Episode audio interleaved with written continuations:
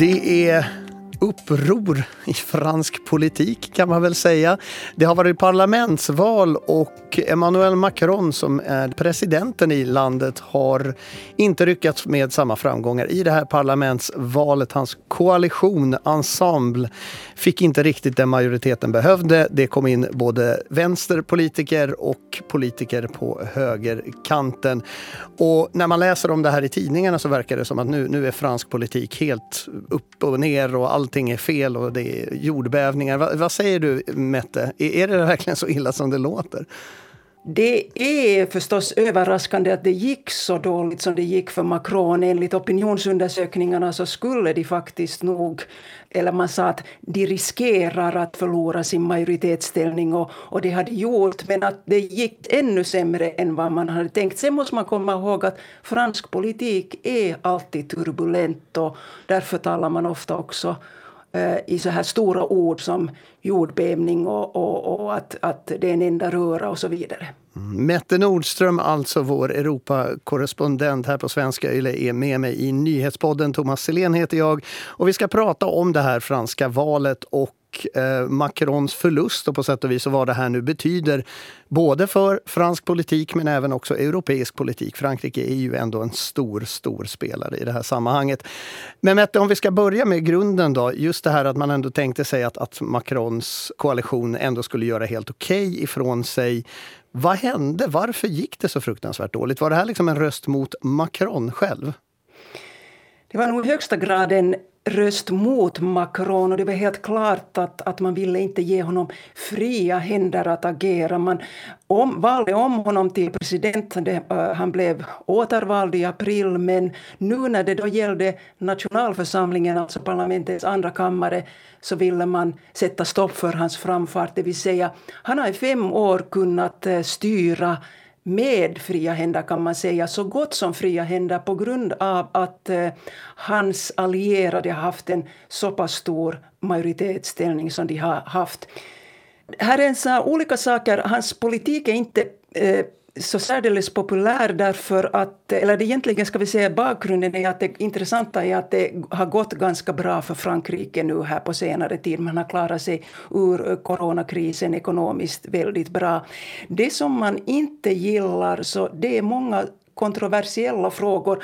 Han driver ju en reformpolitik och han vill ändra till exempel pensionsåldern, han vill höja den. Eh, hälsovården har varit under hårt tryck. Eh, speciellt de yngre generationerna upplever att han inte har jobbat för klimat och miljöfrågor.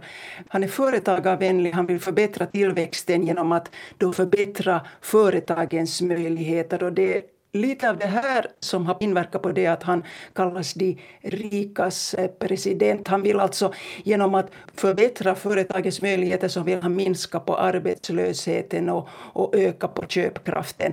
Och eh, som jag sa här så har det gått egentligen ganska bra för den eh, franska ekonomin men det som har varit dåligt är att de fattiga inte har fått det bättre trots att han nog har satsat på olika slags stödformer. Och om man tittar lite bakåt så såg det ju helt annorlunda ut 2017. Då tog han ju folket med storm så kan man säga. Mm. Att han fick ju en jordskredsseger i presidentvalet då och som jag också nämnde så en majoritet i nationalförsamlingen. Men det blev genast väldigt turbulent. Han fick redan i början efter 2017 så stötte han på väldigt mycket problem och protester, bland annat då gula västarna men mm. också förstås covid-pandemin och nu kriget i Ukraina. Eh, Macrons politik, eller hela den här koalitionen, är väl lite så att de försöker vara det här centerpartiet, det som är i mitten där. Men nu har istället då folk på ytterkanterna fått ny luft under vingarna. Och, och en av de stora skrällarna är ju då Marine Le Pen, hennes högerorienterade eh, gäng kan man väl säga. National Samling, de fick väldigt, väldigt stor medvind och plockade otroligt många mer platser än vad man hade förväntat sig. Varför då? Det finns flera olika förklaringar till det här. Och dels skulle jag säga att, att det handlar om helt enkelt ihärdigt politiskt arbete. Marine Le Pen har jobbat ganska länge på att, att göra partiet Nationell samling som tidigare hette Nationella fronten att göra partiet rumsrent, att, att få bort den här rasistiska stämpeln trots att man fortsättningsvis har den här väldigt hårda invandrarkritiska, invandrarfientliga eh, retoriken.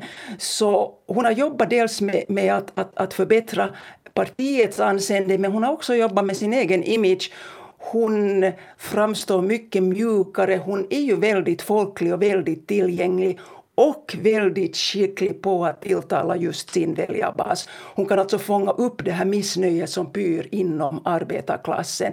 Och det som hon har gjort nu, till exempel inför presidentvalet, och det var ju april och det är ju inte så särdeles länge sedan, så det här lever nog kvar, så är att hon har talat hemskt mycket om köpkraften, om lönerna, om de dagliga bekymren. Det har inte varit så mycket nu om de här åtgärderna mot islam och, och invandrarfientligheten.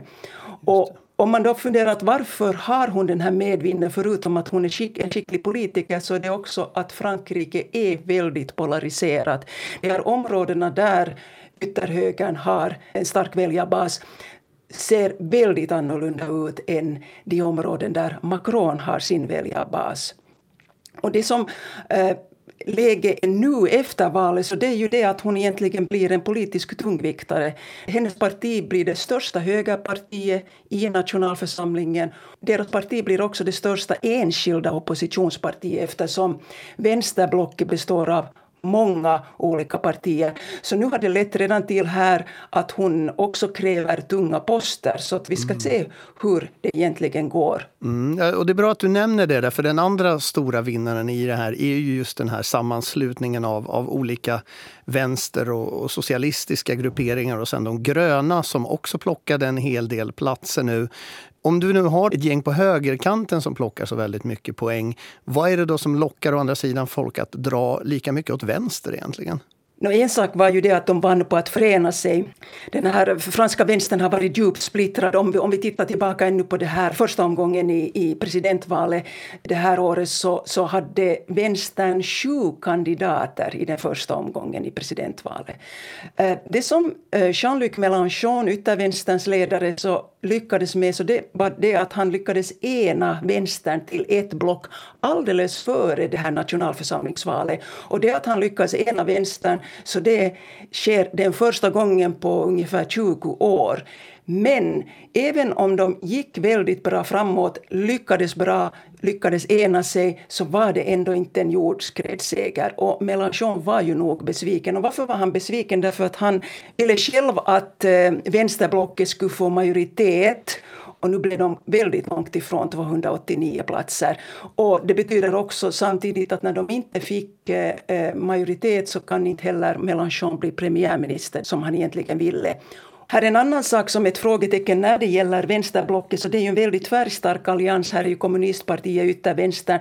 Det förra regeringspartiet, socialistpartiet och de gröna. Och då kan man fråga sig att kommer de att hålla ihop? Och den frågan ställs redan här nu i Frankrike, till exempel Mélenchon alldeles strax efter att valresultatet blev klart. Så han föreslog att de ska gå samman och bilda ett parti och det har förkastats. Och, då har vi ju en liten bit av det här som kanske jag började med, nämligen att nu har ju då eh, Marine Le Pen och du har Nationell Samling som plötsligt har väldigt mycket makt. Du har det här eh, ska säga, sammanslutningen av vänster och socialister och gröna. Och sen har du då Macron och deras koalition Ensemble och alla de här ska på något sätt jobba eventuellt tillsammans. Vad har det här resultatet nu betydelse för fransk politik? Det finns ju olika bedömningar att, att vad det här egentligen leder till. Det leder till ett eh, krångligt läge kan man säga, men, men där en del säger att, att det leder till stagnation så tycker andra att det här är ett välkommet inslag nu. Eh, av samarbete.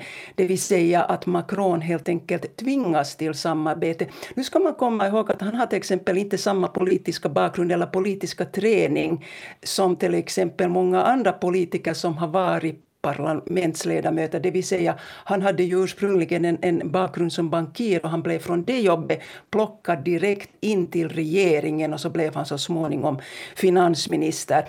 Men precis som du säger så den stora frågan är ju hur han ska kunna styra mellan de här två fraktionerna på ytterkanten. Och det paradoxala är ju här att, att det var ju Macron som ursprungligen ville få bort de här politiska extremkrafterna, om man kan säga mm. så. Men han har varit på sätt och vis med om att skapa den här situationen i och med att han har lockat till sig mittenkrafter från olika partier tidigare till sin egen politiska rörelse. Hur mycket makt har egentligen parlamentet? För att jag fick lite intrycket att, lite som i USA till exempel, när du kan ha en partipolitisk delning som gör att det i princip lamslår möjligheten att, att stifta lagar effektivt, att man liksom arbetar mot varandra hela tiden. Är det någon slags liknande situation som eventuellt kan uppstå? Att Macron vill någonting men sen så har han absolut inget parlament som liksom riktigt drar åt hans håll?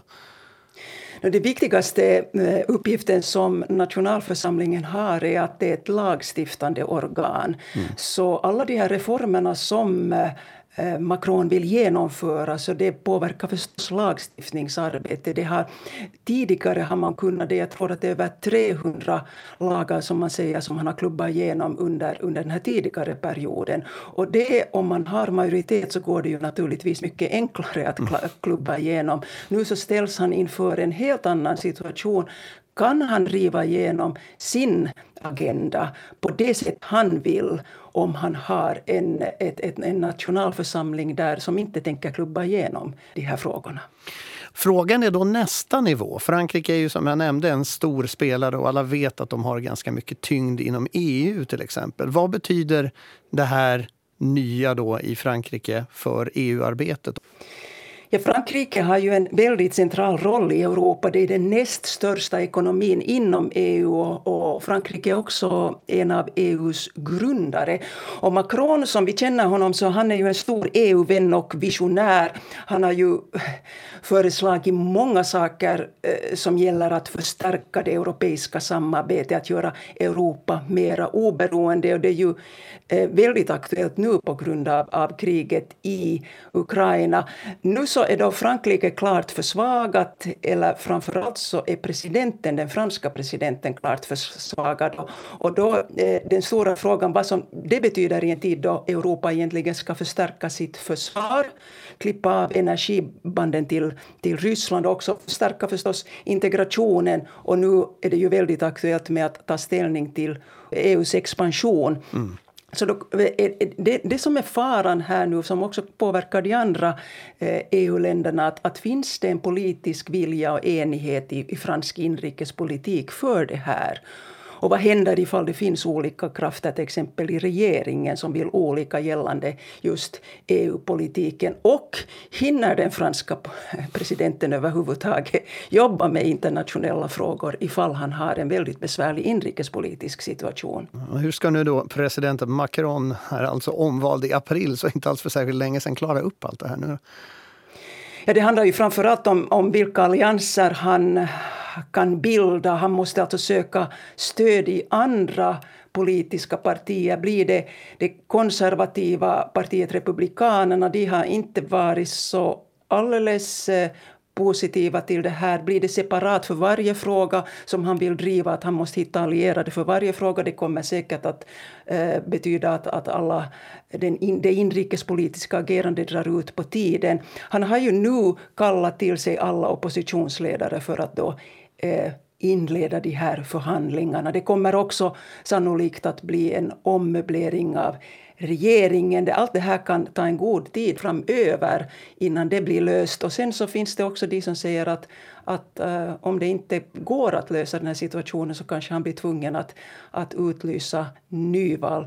Men som sagt, det är alltid turbulent i fransk politik. Och eh, general Charles de Gaulle, så han var ju den förra presidenten på 60-talet, så han klagade då att det var väldigt svårt att, att regera Frankrike. Och, och han lär ha sagt att hur kan man förväntas styra ett land med 246 sorters ostar? Nu så finns det olika tolkningar om hur många ostar han egentligen sa. Men man kan ju tänka sig att de franska ostarna är mycket flera idag. Mette Nordström, alltså vår Europakorrespondent för Svenska Yle. Tack så mycket Mette för att du var här och benade ut det franska valet åt oss. Tack. Du har lyssnat på Nyhetspodden. Thomas Silén heter jag, Max Salomava, tekniker och fortsätt gärna lyssna på oss i framtiden också.